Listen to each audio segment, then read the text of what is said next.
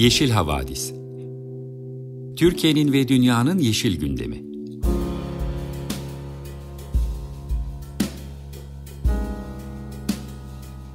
Hazırlayan ve sunanlar Demet Yaman Er, Savaş Çömlek, Dilan Altın Makas, Sare Abit ve Tansu Yeşilkır.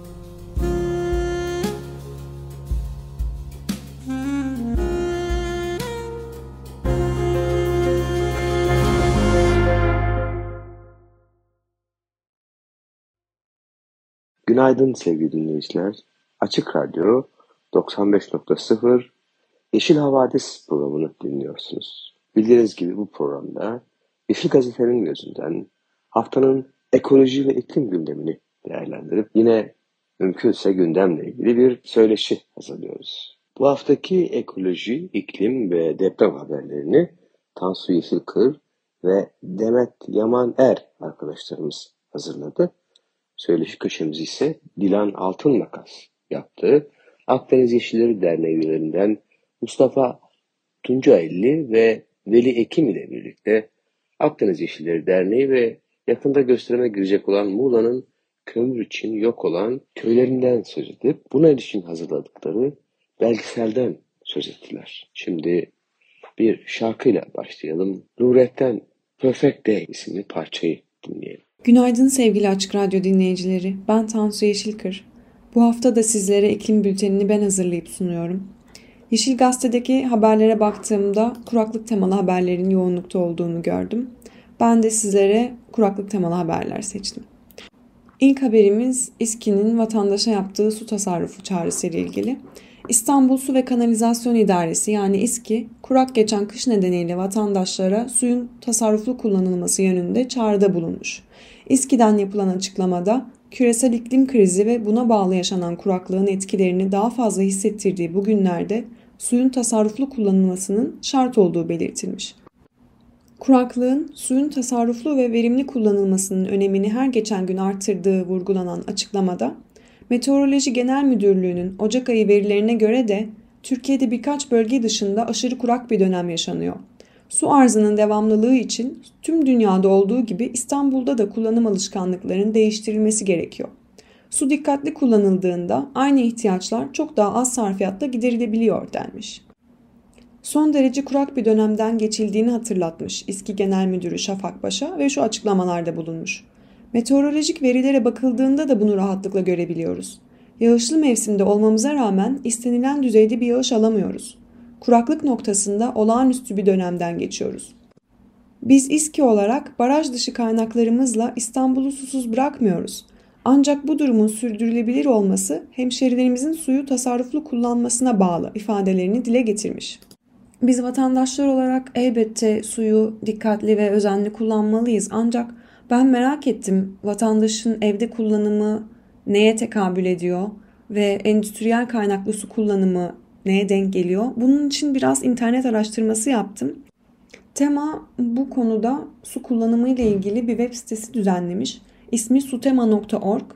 Bu sitenin sanayide kullanılan su ile ilgili de bir sayfası var. Bu sayfada diyor ki Türkiye'nin 2023 hedefleri arasında 112 milyar metreküplük su potansiyelinin hepsini kullanmak bulunmaktadır. Buna ek olarak toplam su kullanımı payları tarımda %64, sanayi sektörlerinde %20 ve hane halkında %16 olarak hedeflenmektedir. Hanede %16, tarımda %64, sanayide %20 su kullanımı hedeflenmiş. Sektörel olarak incelendiğinde su kaynaklarından çekilen suyun %40.8'inin belediyeler, %36.4'ünün termik santraller, %12.8'inin imalat sanayi işyerleri, %8.6'sının köyler, %1'inin organize sanayi bölgeleri ve %0.5'inin maden işletmeleri gibi endüstriyel alanlarda kullanıldığı görülmektedir. Yani sanayi, maden ve enerji için çekilen suyu topladığımızda toplam su kaynaklarından çekilen suyun %50.7'sine denk geliyor. Bu verinin kaynağı Türkiye Cumhuriyeti Kalkınma Bakanlığı'ymış. Kalkınma Bakanlığı'nın 2018 yılında hazırladığı 11. Kalkınma Planı'nın içinden bir rapor bu yüzdeleri belirtmiş. Su kaynaklarından çekilen suyun büyük bir kısmı denizlerden çekiliyormuş ancak Bir kısmı da barajlardan, kaynak ve kuyulardan, şehir şebekelerinden ve akarsulardan da çekiliyormuş. Tema'nın sutema.org sitesi çeşitli endüstriyel faaliyet kaynaklı su kullanımlarına dair de örnekler paylaşmış. Örneğin tekstil endüstrisi yoğun su tüketen bir endüstri olarak bilinmektedir diyor. Birleşik Devletler Çevre Koruma Ajansı'na göre tek bir kot pantolon üretimi için 10 bin litre su gerekmektedir. Yoğun bir şekilde su tüketen bir diğer sektör ise et üretimi ve meşrubat endüstrisidir. Su ayak izi ağına göre tek bir fincan kahve yapmak için gerekli içeriklerin üretiminde yaklaşık 130 litre su kullanılmaktadır. Küresel otomotiv endüstrisi çeşitli üretim süreçlerinde kullandığı için önemli miktarda su tüketen başka bir endüstridir. Bazı tahminlere göre bir araba üretmek için yaklaşık 147 bin litre su tüketilmektedir. Bu bilgiler içinde et üretimi ile ilgili spesifik bir su kullanım miktarı belirtilmediği için biraz da bunu araştırdım ve Heinrich Böll Vakfı'nın 2021 yılında yayınladığı et atlası var ona baktım. Bu atlasa göre 1 kilogram dana eti üretmek için 15.415 litre su kullanılıyormuş. Yine aynı miktarda yani 1 kilogram kuzu, koyun veya keçi eti üretmek için 9000 litre, yine 1 kilo domuz eti üretmek için 6000 litre ve tavuk eti için 4300 litre su kullanılıyormuş. Toplam küresel su ayak izinin %92'sini tarım kaynaklı kullanım oluştururken bu kullanımın içinde de %29'unu hayvansal üretim oluşturuyormuş. Ben bir vatandaş olarak kendi su kullanımımla ilgili özenli davranmaya, tasarruf yapmaya çalışırken bir yandan da merak ediyorum. Karar alıcılar, politika yapıcılar bu konularda ne düşünüyor? Bu sektörlerdeki su kullanımına dair herhangi bir düzenleme, bir kısıtlama planlıyorlar mı? Çünkü bu seviyede bir su israfı eğer etkili düzenlemeler yapılırsa kuraklıkla mücadele için büyük potansiyel barındırıyor. Sıradaki haberse Bursa'dan Nilüfer Barajı ile ilgili. Bursa'nın içme suyu ihtiyacının karşılandığı iki barajdan biri olan Nilüfer Barajı, bölgenin bir süredir yağış almaması sonrası tamamen kurumuş. Nilüfer Çayı üzerinde kurulan ve 2007 yılından bu yana hizmet veren yıllık 60 milyon metreküp su kapasiteli baraj son dönemdeki mevsimsel kuraklıktan olumsuz etkilenmiş. Bursa Su ve Kanalizasyon İdaresi yani BUSKİ tarafından yapılan açıklamada Değerli vatandaşlarımız, kış dönemini kurak geçiriyoruz. Suyumuzu daha dikkatli kullanmamız gereken günlerdeyiz. Kesinti yapmadan günlük su ihtiyacınızı karşılamak için her adımı atıyoruz. Lütfen suyumuzu dikkatli kullanalım denilmiş. Öte yandan Bursa Su Kolektifi gibi kentte bulunan STK'lar yıllardır Nilüfer çayına bırakılan atıklara işaret etmiş ve buna karşı harekete geçmeleri için yetkilileri göreve çağırmış. Ancak bugün gelinen noktada Nilüfer Barajı kurumuş durumda. Çevre, Şehircilik ve İklim Değişikliği Bakanlığı Nilüfer'e bırakılan sanayi atıklarına karşı onlarca kez göreve çağrıldı diyor haber. Şimdiki kuraklık haberi ise Edirne'den. Meriç ve Tunca nehirlerinin su seviyeleri kuraklık nedeniyle kritik düzeye kadar düşmüş. Edirne'nin Şubat ayı yıllık yağış ortalaması 35.3 kilogrammış. Ancak geçtiğimiz Şubat'ta bir ayda yalnızca 5.2 kilogram yağış düşmüş. Herhalde metrekare başına. Geçen yıl aynı dönem saniyede 27 metreküp ölçülen Tunca Nehri debisi bu yıl saniyede 6 metreküp seviyelerine düşmüş. Kentin içinden geçen diğer nehir Meriç'te de geçen yıla oranla 4 kat düşüş varmış. Geçen yıl saniyede 277 metreküp seviyelerindeki nehrin debisi bu yıl 69 metreküp seviyelerinde akıyormuş. Tarımsal sulamada da kullanılan nehirlerin debisinin düşmesi özellikle çeltik üretimi yapan çiftçiyi de düşündürüyor demiş haber. Şimdiki haberse depremzede çiftçilerle ilgili. Cumhuriyet Halk Partisi Niğde Milletvekili Ömer Fethi Gürer, partisince görevlendirildiği Diyarbakır'da depremzede çiftçilerin sorunlarını dinlemiş. Üreticiler tarımsal sulama amaçlı kullanılan elektrik ücretlerinin yüksek olması ve kuraklıktan yakınmış. Çiftçiler ayrıca depremzede üreticilerin banka hesaplarına yatırılan destekleme ödemelerine bölgede elektrik dağıtım faaliyeti sürdüren dağıtım firması tarafından el konulmasına tepki göstermiş. Bölgede elektrik enerjisi kullanarak kuyudan çıkardığı suyla tarım yapan Veysi Atik ise elektrik ücretlerindeki artıştan yakınmış. depremzede üreticilere ödenen destekleme ücretlerine Dicle Elektrik Dağıtım Anonim Şirketi'nin el koymasına tepki göstermiş üretici. Şöyle demiş, elektrik şirketlerine olan elektrik borcumuz kesintilerle bile kapanmıyor. Kazandığımı gübreye, ilaca, mazota veriyorum. Bu yıl 12.500 liraya üst gübresi aldık. CHP Niğde Milletvekili Ömer Fethi Gürer, Güneydoğu Anadolu projesi dahilinde olan ve yapımı 20 yıldır tamamlanmayan Silvan Barajı'ndan da bahsetmiş. Şöyle demiş, Siyasi iktidar 20 yıldır barajın yapımını tamamlayamadı. Sulama suyu nedeniyle oluşan verim kaybını ne yazık ki görmüyorlar. Tarım, AKP döneminde siyasi iktidarın yurt dışından ithalat anlayışına kurban edildi. Bu süreç halen devam ediyor. Deprem, pandemi, kuraklık ve hepsinin yarattığı soruları görecek bir anlayışa ihtiyaç var şeklinde konuşmuş. Böylelikle bu haftalık da iklim bülteninin sonuna geldik. Ben sizin için Lou Reed'den This Magic Moment isimli parçasını seçtim. Hepinize iyi bir hafta diliyorum. Hoşçakalın. Herkese merhaba sevgili Yeşil Vadisi dinleyicileri. Ben Demet Yaman Er. Bu hafta sizler için ekoloji bülteni ben hazırlayıp sunuyorum. Bültenimizin ilk haberi ise Akdeniz'in doğal ve kültürel mirası Faselis ile ilgili.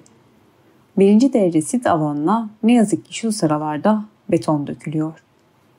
Antalya Faselis'teki endemik bitkilere ve tükenme tehdidi altındaki karetta karettalara ev sahipliği yapan, çadır kurmanın dahi yasak olduğu Alacasu ve Bostanlık koyları plaj işletmesi inşası kapsamında günlerdir talana uğruyor. Antalya'nın Kemer ilçesinde bulunan birinci derece arkeolojik sit alanı Faselis Antik Kenti iki ayrı plaj işletmesi yapılması için doğal alanların ve tarihi öneme sahip yapıların tahribatı riskiyle karşı karşıya. 20 Şubat'tan beri doğal ve arkeolojik açıdan koruma altındaki alana girişine izin verilen iş makineleri günlerce tahribata yol açmaya devam ediyor.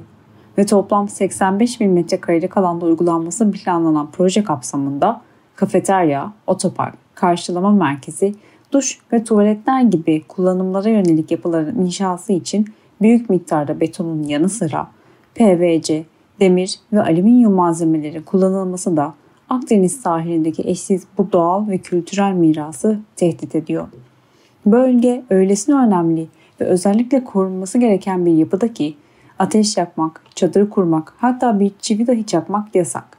Ancak gelin görün ki birileri bu alanda iş makineleriyle mekik dokumaktan, yol açmaktan, yol genişletmekten ve ağaç kesmekten geri durmuyor kültür ve tabiat varlıklarını koruması gereken Kültür ve Turizm Bakanlığı, kafeterya, otopark, karşılama merkezi gibi kullanımlara yönelik bu proje için özel bir inşaat ve restorasyon şirketine ihale verdi. Proje ile ilgili ihale dosyasında yer alan bilgilere göre ise arazide 2892 metreküplük derin bir kazı yapılacak ve 1139 metreküp beton dökülecek. Üstelik Beydağları Sahil Milli Parkı sınırları içerisinde bulunan arazinin içerisinde tarım arazileri de bulunuyor. Bakanlık bölgedeki aktivistlere Fasilis'te görülen kirlilik ve güvenlik endişelerinin yanı sıra buradaki sahillere gelen ziyaretçi sayısının hafifletilmesi gerekçesini sunmuş. Ancak Fasilis'e dokunma hareketinin gönüllülerinden Erdal Elginöz'ün de belirttiği gibi bunca yıl içinde böyle yapılan yerler ancak kullanımı artırıyor ve bu nedenle bu plan Faselis'e daha fazla bir yük oluşturacak. Bu arada Antalya Anıtlar Kurulu'ndan ve Kültür Varlıklarını Koruma Bölge Kurulu'ndan da faaliyet izni alınmış. Ancak faaliyet izninde söz konusu alan otopark, yönetim binası, su deposu gibi yapıların oluşturulması ve aynı zamanda geniş bir alanda yapılaşmanın başlatılması gibi çalışmaların izni olduğuna dair herhangi bir belge bulunmuyor. Alınan izin sadece yolun kıyıya göre düzenlenmesini kapsıyor.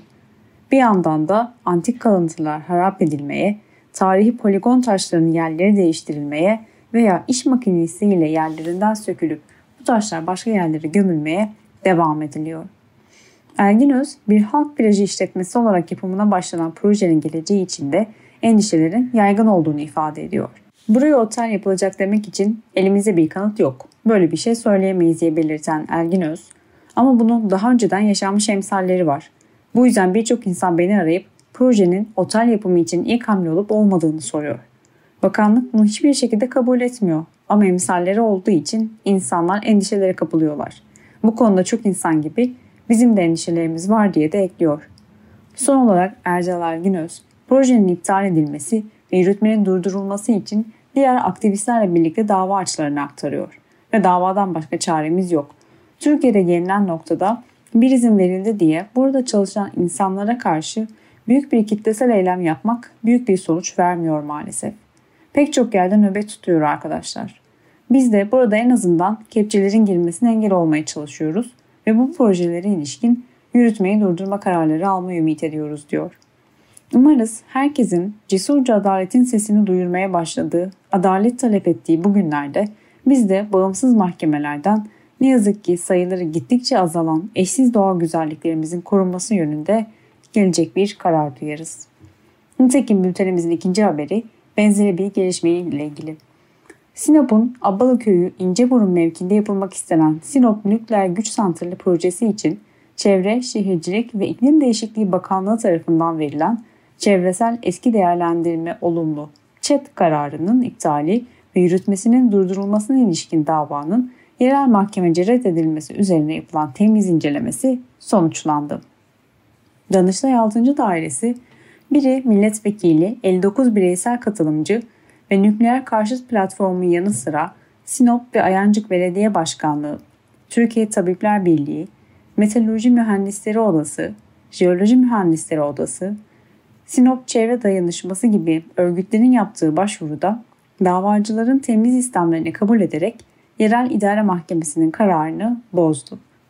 ÇED sürecinde verilen kararların iptali istemiyle açılacak davalarda yönetmeliğin ek 3. maddesindeki unsurlar yönünden ÇED kararlarının bir bütün olarak incelenmesinin esas olduğunu belirten 6. dairenin kararında mahkeme tarafından bilirkişi raporunda yetersiz veya çelişkili görülen inceleme, tespit ve değerlendirmelerin giderilmesine yönelik olarak ek bilirkişi raporu alınması ya da yeniden oluşturulacak bir heyetle keşif ve bilirkişi incelemesi yaptırılarak alınacak rapora göre yeniden bir karar verilmesi gerektiğine dikkat çekildi.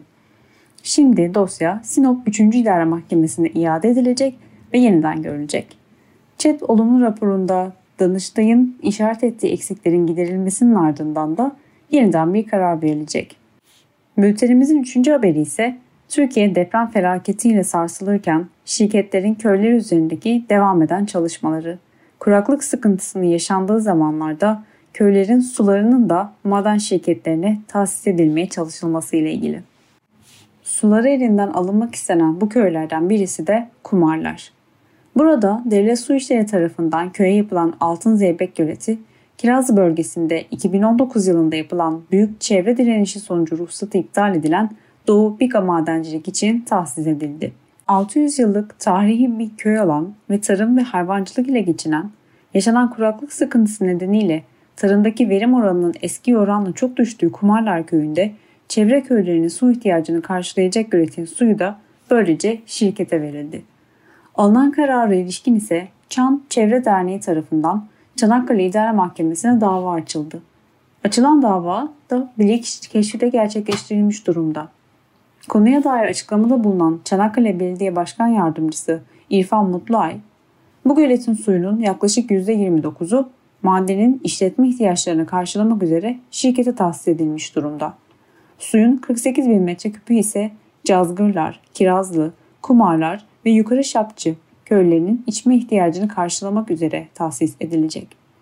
550 bin metreküp şirketin işletmesinde kullanılacak ve 1 milyon 320 bin metreküp ise yöre köylerinin tarımsal sulamasında kullanılacak diyerek şirkete verilen 550 bin metreküp suyun karşılığının %29 yani neredeyse su rezervinin üçte birinin olduğunu vurguluyor. Eğer bu şirkete su verilmezse 1368 dekar tarım alanı daha sulanabilir. Burada bilirkişi heyetinin aklım, bilimin ve halkın çıkarlarını gözeterek gerçekçi bir rapor vereceklerini düşünüyorum diyor. Köy sakinlerinden namı diğer kocabaşı kurtaran kadının aiti Tok Göz'de suyumuzun mücadelesini veriyoruz. Süreci takip ediyoruz.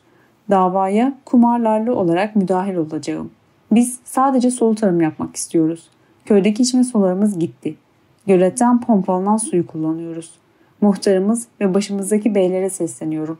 Bizim yanımızda olsunlar. düzgün iş yapsınlar. Bu devran böyle sürüp gitmeyecek diyerek seslendi. Çan Devre Derneği'nden Mehmet Özde, göletin suyunun kazanılmasının çanın içinden geçen tarihi Kocabaş çayını da etkilediğini belirtiyor ve ekliyor. Kocabaş çayı granikostur ve tarihi öneme sahiptir. Mücadelemiz farklı noktalarda devam ediyor. Köydeki baraj altın madeni şirketi ve devlet su işleri tarafından ortak yapıldı. Köyden ziyade şirkete tahsis edildi.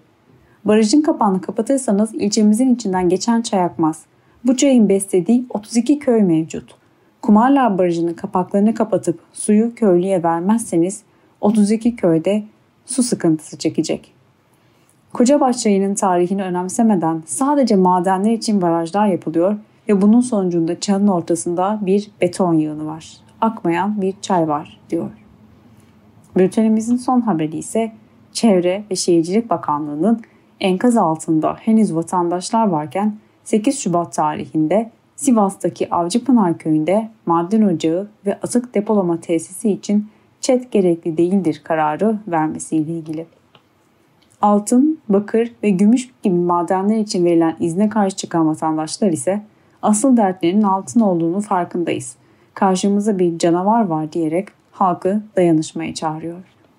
Sivas Yıldızeli ilçesine bağlı Avcıpınar köyü için 8 Şubat'ta alınan ancak 10 Şubat'ta duyurulan maden ocağı ve atık tesisi için çet gerekli değildir kararı 10 ilde enkazda kalan vatandaşların yardım istediği ve yeterli ekip olmadığı için henüz kırtırılamadığı günlerden birinde alınmıştır.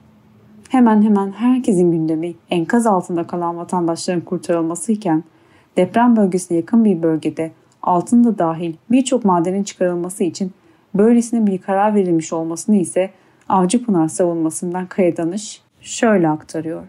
Karşımızda bir düşman var bizim. Bunun başka bir açıklaması olamaz. Büyük felaket diye anılıyor ama aslında felaket falan değil deprem. Büyük bir zulüm. İktidarın yaptığı bir şey aslında. Zulmü devam ettirmeye o kadar meyilli ki altısında deprem oluyor ama dört gün içerisinde birdenbire depremin çok yakınındaki bir yerde ya da uzak olsun ne fark eder. Aynı memleketin içerisinde herkes can havlindeyken hatta herkes gerçekten hiç olmadığı kadar panik halindeyken dibinden bir yeri peşkeş çekmeye çalışıyor. Bu öfkelendiriyor, şaşırtmıyor. Sadece öfkelendik. Bunun bilinçli yapıldığı çok belli. Arada kaynayacağı düşünüldü büyük ihtimalle. Belki hesaplıydı, belki değildi. Ama işte hesap öyle olmuyor. Madene onay verilen köyde ise çoğunlukla hayvancılık ve tarım yapılıyor.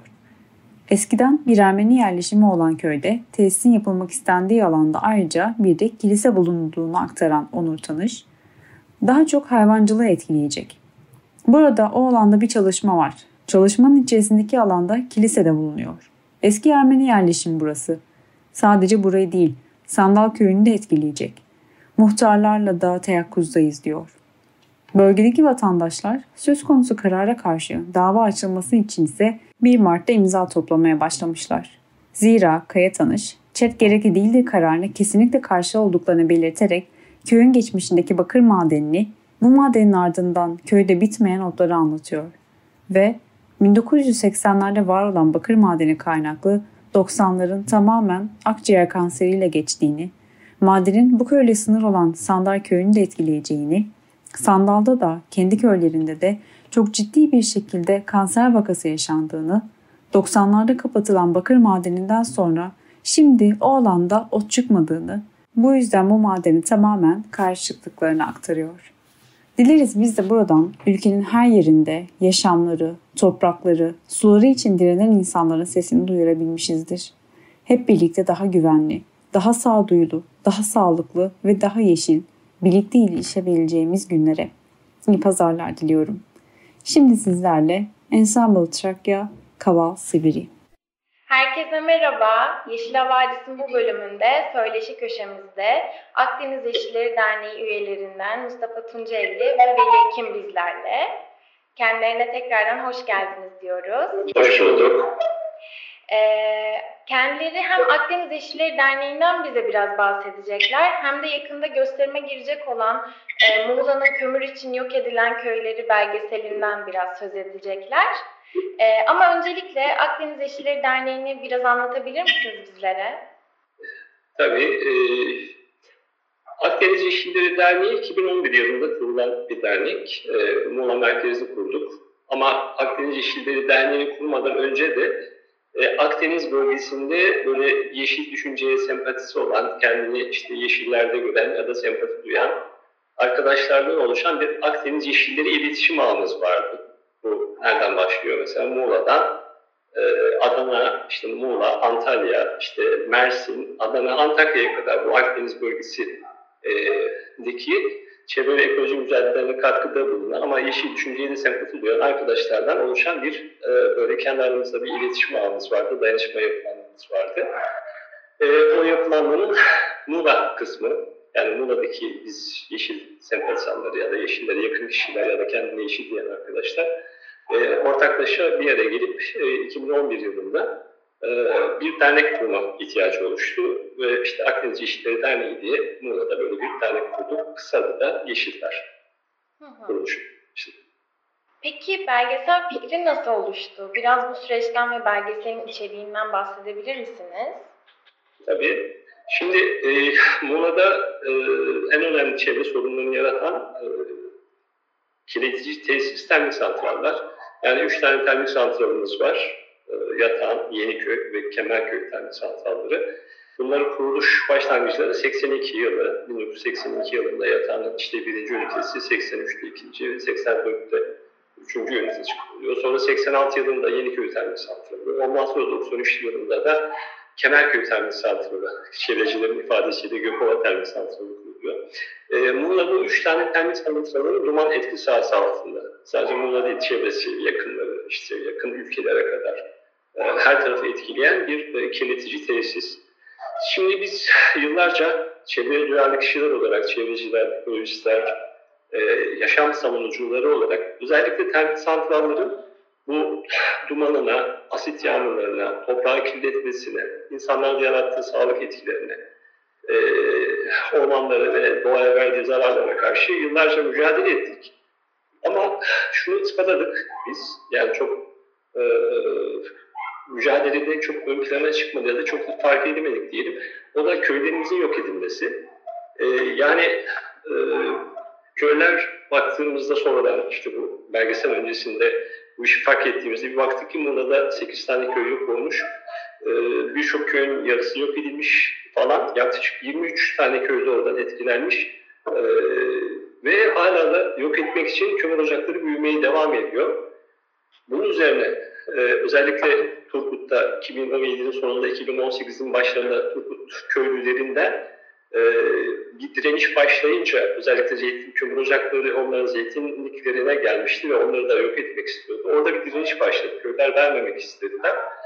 Bizler de onlara desteğe gittik, yardımcı olduk. Onlarla birlikte mücadelelerine katkı verdik. O süre içerisinde dedik ki bu nereye varacak? Yani bir önceki e, yatağında hemen sonraki yeşil bağcıları yok etmişti. Onu biliyoruz. Son kısımlarına şahit olduk yok olmasının.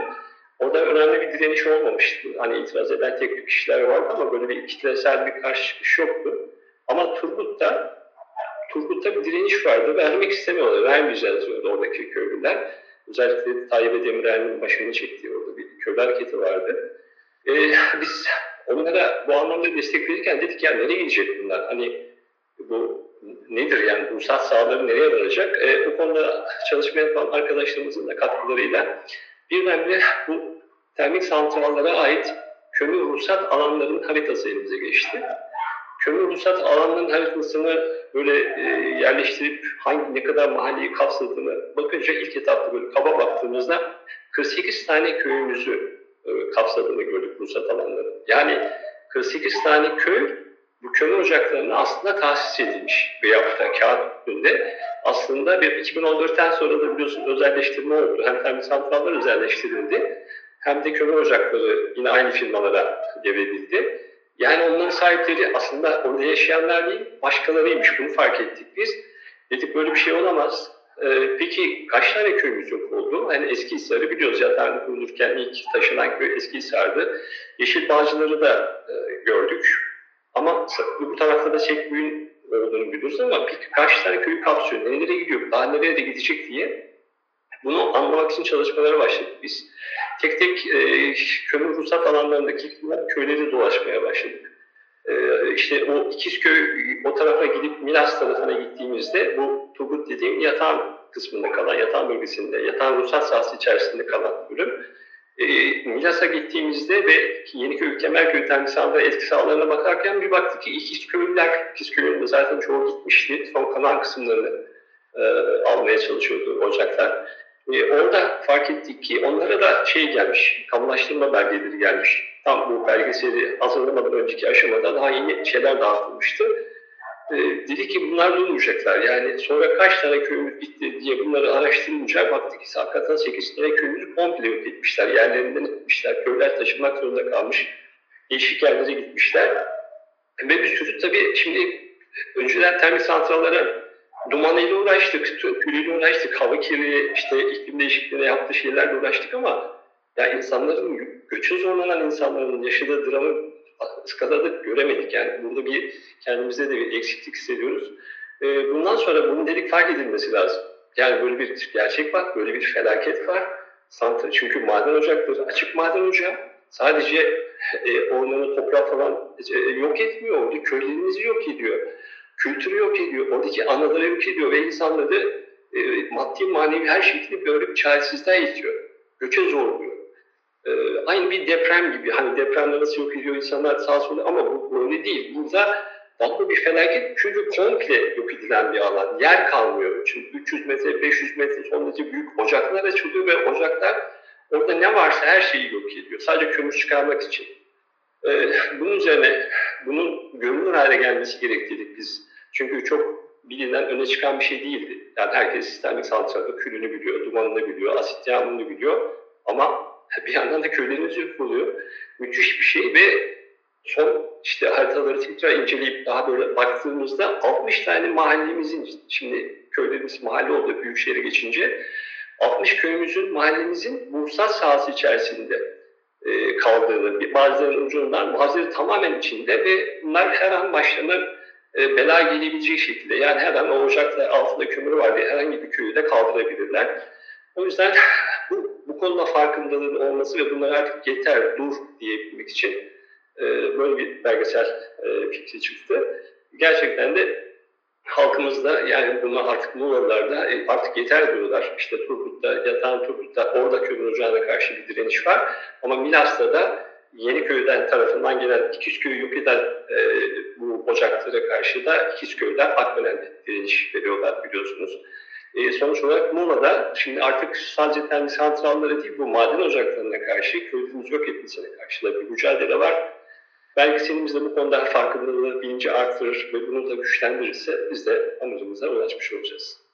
Aslında e, biraz biraz sonra soracağım soruya da cevap vermiş oldunuz. Yani neyi hedefliyorsunuz noktasında e, bir cevap vermiş oldunuz ama bu soruya eklemek istediğiniz ek bir şey olur mu? Yani hedef Evet, yani burada zaten şimdi belgeseli e, izleyenler e, daha iyi anlayacaklar söylemek istediklerimizi. E, köylerimiz yok edilirken e, insanlar kendi ağızlarından anlatıyorlar. İşte bütün bu yok edilen köylerden köylüler konuşuyor. Belgeselin esas şey, içeriği bu. Bizlerin de aralarda açıklayıcı katkıları var ama aslında köylülerimiz işte Eskihisar'dan, Yeşilbağcılar'dan, Bağyaka'dan, Tınaz'dan, Karakuyu'dan, Sekköy'den, Hüsamlar'dan, İkizköy'den e, köylüler anlatıyorlar başlarına geleni. Yani yaşadıkları dramı, mezarlıklarının dahi nasıl yok edildiğini, e, kemiklerinin torbalar halinde ellerinde tutuşturulduğunu, orada hiçbir hatırası şeyin kalmadığını, kendilerine böyle e, kötü davranıldığını, ellerine geçen üç kuruş e, parayla son derece mağdur olduklarını, mağdur, mağduriyet yaşadıklarını vesaire o dramı, o çileyi, o sıkıntıyı e, daha iyi anlayacaklar e, bu belgeselle. E, onu yansıtan, onların e, böyle isyanlarını anlatan bir belgesel. E, bu anlamda amacımız bu. Bunun algıdan hissedilmesini istiyoruz. İnsanlar o kadar basit değil. Buradan buraya git. Sadece ben burada maden var. Evet, siz buradan taşıyor kardeşim. Buradan buraya git diyemezsiniz. İnsanların anıları var, insanların yarattığı bir kültür var. Orada insanların hayatı var. Bu kadar basit değil. Oradan oraya göçe zorlayamazsınız. Rızası olmadan hiçbir şey yapamazsınız. Ama şimdiye kadar yapıldı ve bundan sonra da yapılmamasını istiyoruz ve bu mücadelenin de güçlenmesini sadece burada değil, Türkiye'nin her tarafında maden ocaklarının köylerimizi yok etmesinin önüne geçilmesi gerektiğini düşünüyoruz. Bu yüzden farkındalığın artmasına katkıda bulunacağına inandığımız bir çalışma. E, belgesel çekimleri sırasında ya da belgesel çekimlerine giden süreç içerisinde sizi en çok etkileyen ne oldu? O konuda ben devreye girebilirim. E, belgesel sırasında belgeselin e, iletişim ve koordinasyonunu e, ben ve arkadaşlarımız sağladık. E, madenlerin işgal ettiği alanlar aslında çok geniş. Yani özellikle e, Milas ve Yatağan bölgesinde e, devasa alanlar ve bu alanlar e, aslında bir havzayı yutuyorlar. Yani 3-5 köyden oluşan bir havzayı yok ediyor. Gerçekten yutuyorlar. E, Mustafa Bey'in söylediği gibi 300-400 metre sondajlarla devasa. Yani siz o e, maden sahasına baktığınızda kendinizi farklı bir gezegende hissettiğiniz hissiyatına, olduğunuz hissiyatına kapılıyorsunuz. Yani o kadar devasa bir çukur var ki sanki meteor çarpmış ve her yer e, talan edilmiş gibi ve orada çalışan karınca gibi devasa iş makinesi görüyorsunuz ama size karınca gibi geliyor. Yani ölçek algınızı yitiriyorsunuz açıkçası orada. Bu beni çok etkilemişti. Yani biz haritadan baktığımızda veya termik santralin bacasını gördüğümüzde o madenleri aslında görmüyoruz. Madenler arka sokakları. Termik santralin arka sokakları ve o arka sokaklar hiç de tekin değil e, onlarca köyü yutan, e, binlerce insanın hayatını mahveden e, yapılar, e, maden alanları. E, Eskihisar Köyü'nden bahsetmek isterim. Özellikle Yatağan bölgesi. E, belki dinleyenler biliyordur. Statonike ile Laginati kenti arasında e, paganların kutsal olarak atfettikleri bir e, kutsal yol vardır. Orada e, aynı sırasında tapınaklara giderken kullandıkları yaklaşık 12 kilometrelik bir yoldur burası. E, yaklaşık 2000-2500 yıl evvel kullanılan ve halen e, antik kentlerin olduğu bir bölge. Fakat Statonike antik kenti ile doğrudan Lagin antik kenti arasındaki o kutsal yol şu an devasa bir çukur halinde. Yani bunu haritaya girip baktığınızda da çok rahat görebilirsiniz. Orası aslında turizm anlamında, sürdürülebilir turizm anlamında çok değerli bir yerken biz orayı sanayinin merkezi haline getirmiş oluyoruz. Ee, bir diğer e, bizi etkileyen olay hikaye de şuydu. Az önce Mustafa Bey'in bahsettiği kemik hikayesi. Maden firması e, Eskihisar köyünü boşaltmaya çalışırken sürekli köylüleri e, zorluyor. Bir an evvel çıkın buradan ve biz e, maden sahasını genişleteceğiz diye. Fakat köylülerin takıldığı nokta mezarlarımızı nereye götüreceğiz? Tamam, e, yastığımızı, yorganımızı aldık, evimizi taşıyoruz ya mezarlar ne olacak? Ve e, iş makineleriyle o maden firmaları o mezarlıklara girip tavan etmişler. Ve köylüler bu, bunu haber aldıktan sonra mezarlıklara gidip belki kendi akrabası, belki başka birinin kemiklerini torbalara koyup günlerce evlerinde, yeni mezarlık yapılana kadar günlerce evlerinde o kemikleri tutmuşlar. Yani bu e, neden bu kadar vahşice bir şey yapılır? Yaşayana saygı yok, Ölmüş gitmiş insana saygısı yok, ağaca saygısı yok, kuşa saygısı yok, tarihe, kültüre, doğaya, suya saygısı yok. Yani o açıdan e, bunlar, e, bu yaşananlar o bölgedeki insanların uzun yıllardır maruz kaldıkları acılar, biz bunları belgeselle e, geniş kitlelere hatta yabancı yabancı dilde altyazılarla uluslararası boyutta e, paylaşmayı planlıyoruz. E, bir diğer e, can acıtıcı nokta da Akdeniz'in en önemli bölgelerinden biri olan Gökova Körfezi'nin tam ortasında e, bir tane termik santralimiz var ve onun arkasında da yine devasa maden ocakları var, kömür ocakları var. Şimdi e, biz yani oturup düşünmemiz lazım. Yani biz bu alanı nasıl e, kullanmalıyız? Eğer bir enerji yatırımı, bir istihdam yaratılacaksa bu bu şekilde mi olmalı? insanların analarına, kültürlerine, doğasına bu şekilde hunharca saldırarak mı olmalı? Bunun farklı bir yöntemi, daha e, insana, çevreye saygılı yöntemleri yok mudur diye insan kendini sormadan. Yani çok basit bir soru. Hani çok derin e, hassasiyetiniz olmasına gerek yok. Sadece çok basit bir empati kurarak bunun başka bir yöntemi yok mu? Yani insanlar kendi babasının, annesinin kemiklerini torbaya koyup günlerce aynı evde kalmalarına maruz kalmadan bir alternatif yaratamıyor muyuz? Veya oradaki e, su kaynaklarını, toprakları yok etmeden. Bu enerji kimin için elde ediliyor? Ya insanlar için. Peki bu insanlar niye mağdur ediliyor?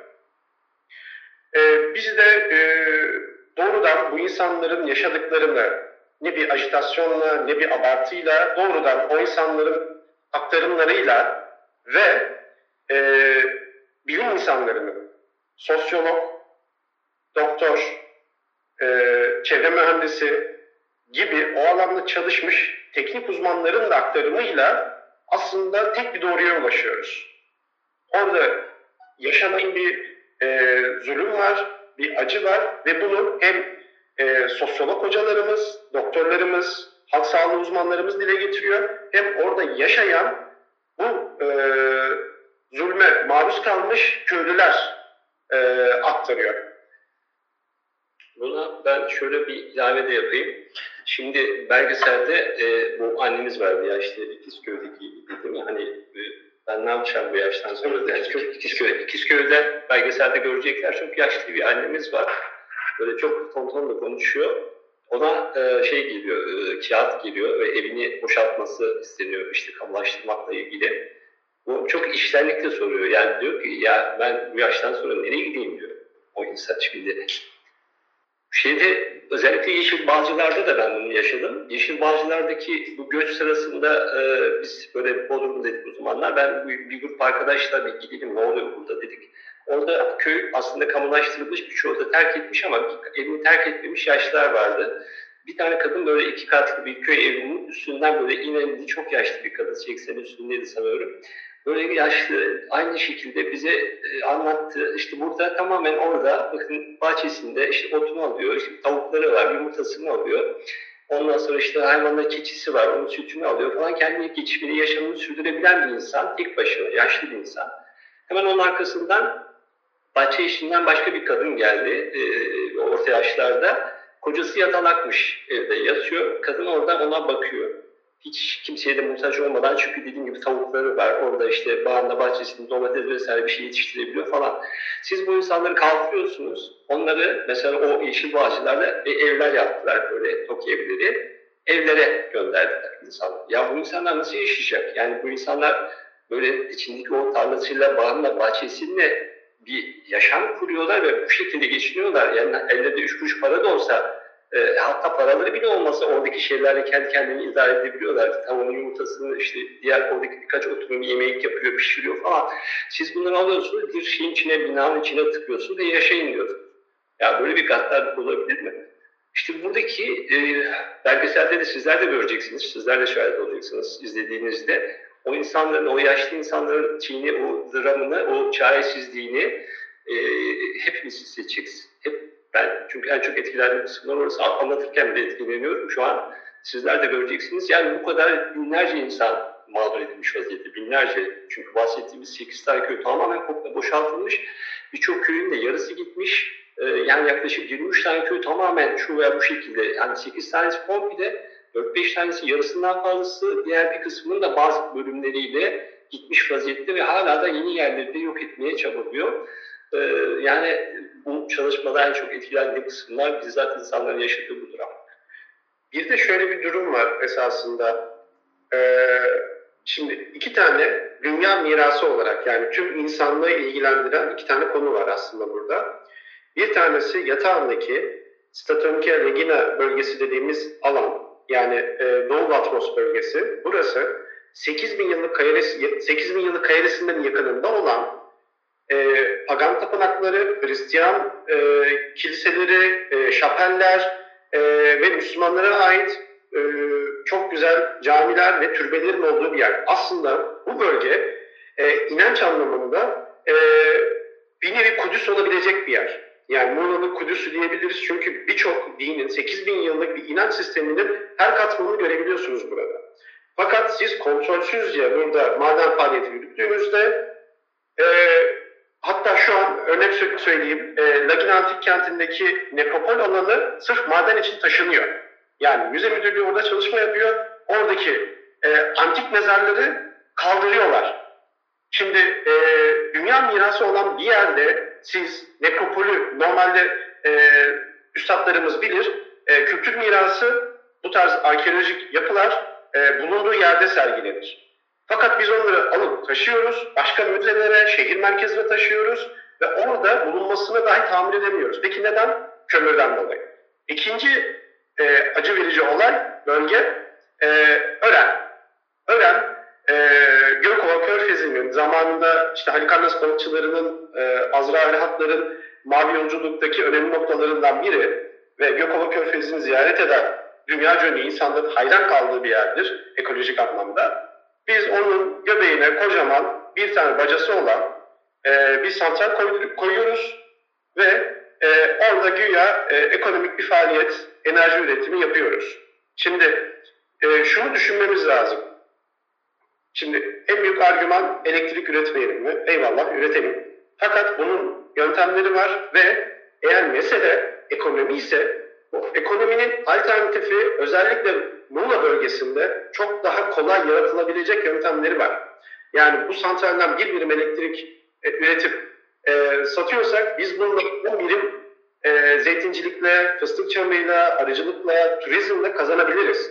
Yani mesele üzüm yemekli bağcıyı mı dönmek? Yani biz komple balık alanı diyoruz, toprağı yağmalıyoruz ve e, niçin yaptığımızı açıkçası kimse anlayamıyor. Neden? Böyle bir durum var maalesef. Büyük bir acı var sahada. Ee, bir Muğlalı olarak da ben de e, epeyce şeyin farkında olmadığımı fark ettim. E, epeyce şeyin yeterince e, bilmediğimi ve bu da bana utanç verdi açıkçası. Aynı zamanda bu görüşmenin de birçok kişiye, birçok dinleyicimize ulaşacağını ve birçok insanda aynı ben, benim şu anda olduğu gibi farkındalık uyandıracağını düşünüyorum.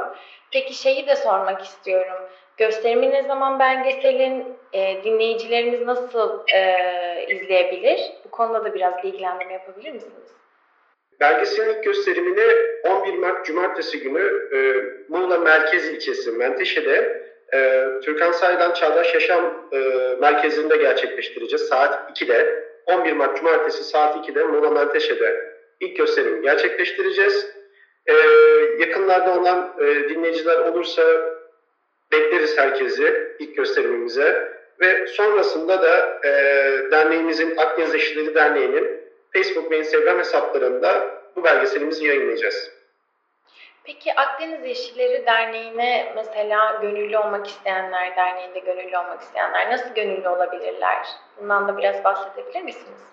Tabii şimdi e, o konuda bir sınırlamamız yok. Dernek sözcüğünü benimseyen e, ve bu ekoloji mücadelesi içerisinde yani bunu perspektif olarak, düşünce olarak bize, bizim bakış açımıza yakın arkadaşlarım, yani duyarlı olan, gerçekten samimi, bu işler için uğraşmak isteyen arkadaşlarımızın e, sadece tüzüğünü kabul etmesi yeterli. Tüzüğü kabul ettikten sonra e, aidatımızda böyle çok sembolik bir aidatımız var. E, 30 lira gibi 10 senedir değişmeyen e, aidatı sadece bunu veriyor. Yıllık aidat bahsediyorum 30 lira aylıkta değil. E, bunu veren ve tüzüğünü benimseyen tüm arkadaşlar üye olabilir. Ee, benim sorularım bu kadardı. Peki kapatmadan önce sizin eklemek istediğiniz şeyler var mı başka? Şunu söyleyebilirim. Ee, şimdi biz Muğla'da yaklaşık e, yani Muğla bir kere e, ben işte 91 yılında geldim Muğla'ya. E, İstanbul'daydım. O yıldan bu yana kadar Muğla'da çok böyle biliyorsunuz turizm güzellikleri olan bir yer ve çekim merkezi olan yerlerden bir tanesi işte Antalya gibi Muğla'mızda onda, e, bu anlamda turizm gelirleriyle ciddi katkılarda bulunan, bunun anlamında doğal güzellikleri olan, deniz olan, ormanı olan böyle bir yer.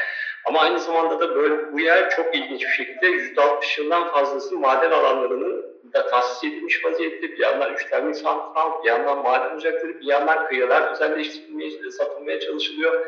Yani e, dağlarda delik teşvik olduğu, mermer ocakları, taş ocakları, e, her tarafta bir mücadele var. Muğla'nın. E, yani Muğla'da bu yüzden de biz mücadelesi Muğla'da hem geçmişten böyle çok yüksek bir mücadele.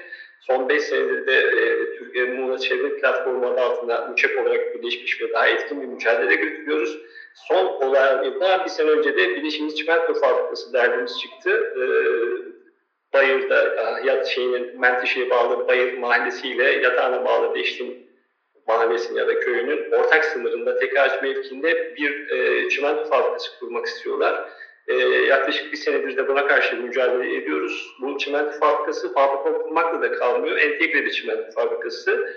Oradaki tam ormanlık alanın ortasına kuruluyor ve yaklaşık 7751 dönümlük yani 8000 dönüme yakın bir ormanlık alanı tahsis etmişiz gözüküyorlar kağıt üstünde. 13 tane ocak açacaklar, taş ocağı.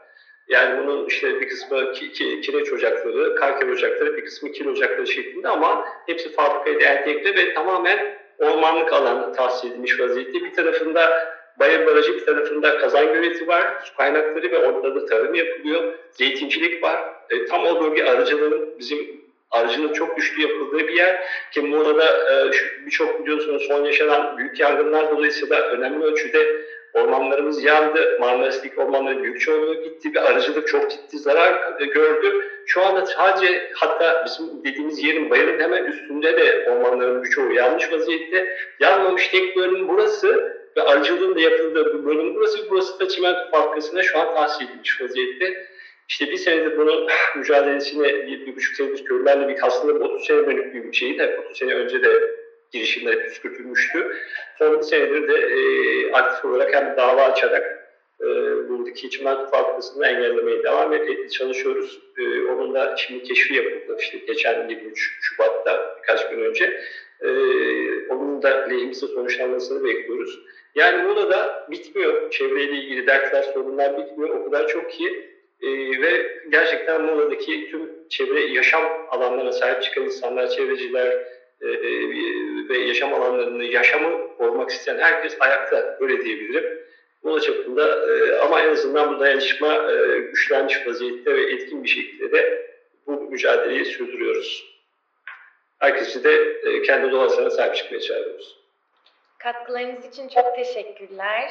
Ee, Akdeniz Yeşilleri Derneği'ni bize daha iyi tanıttığınız için, aynı zamanda yaptığınız bu belgeselle umarım ki gidişatı bir nebze değiştirir. Öyle olacağına inanıyorum. Çok teşekkür ederim. Biz de bize böyle bir fırsat verdiğiniz için teşekkür ederiz. Çok sağ olun. Çok teşekkür ederiz. Size de kolay gelsin. Sevgili dinleyiciler, söyleşi köşemizin ardından bugünlük size veda etme zamanımız geldi. Bugünlük hoşçakalın.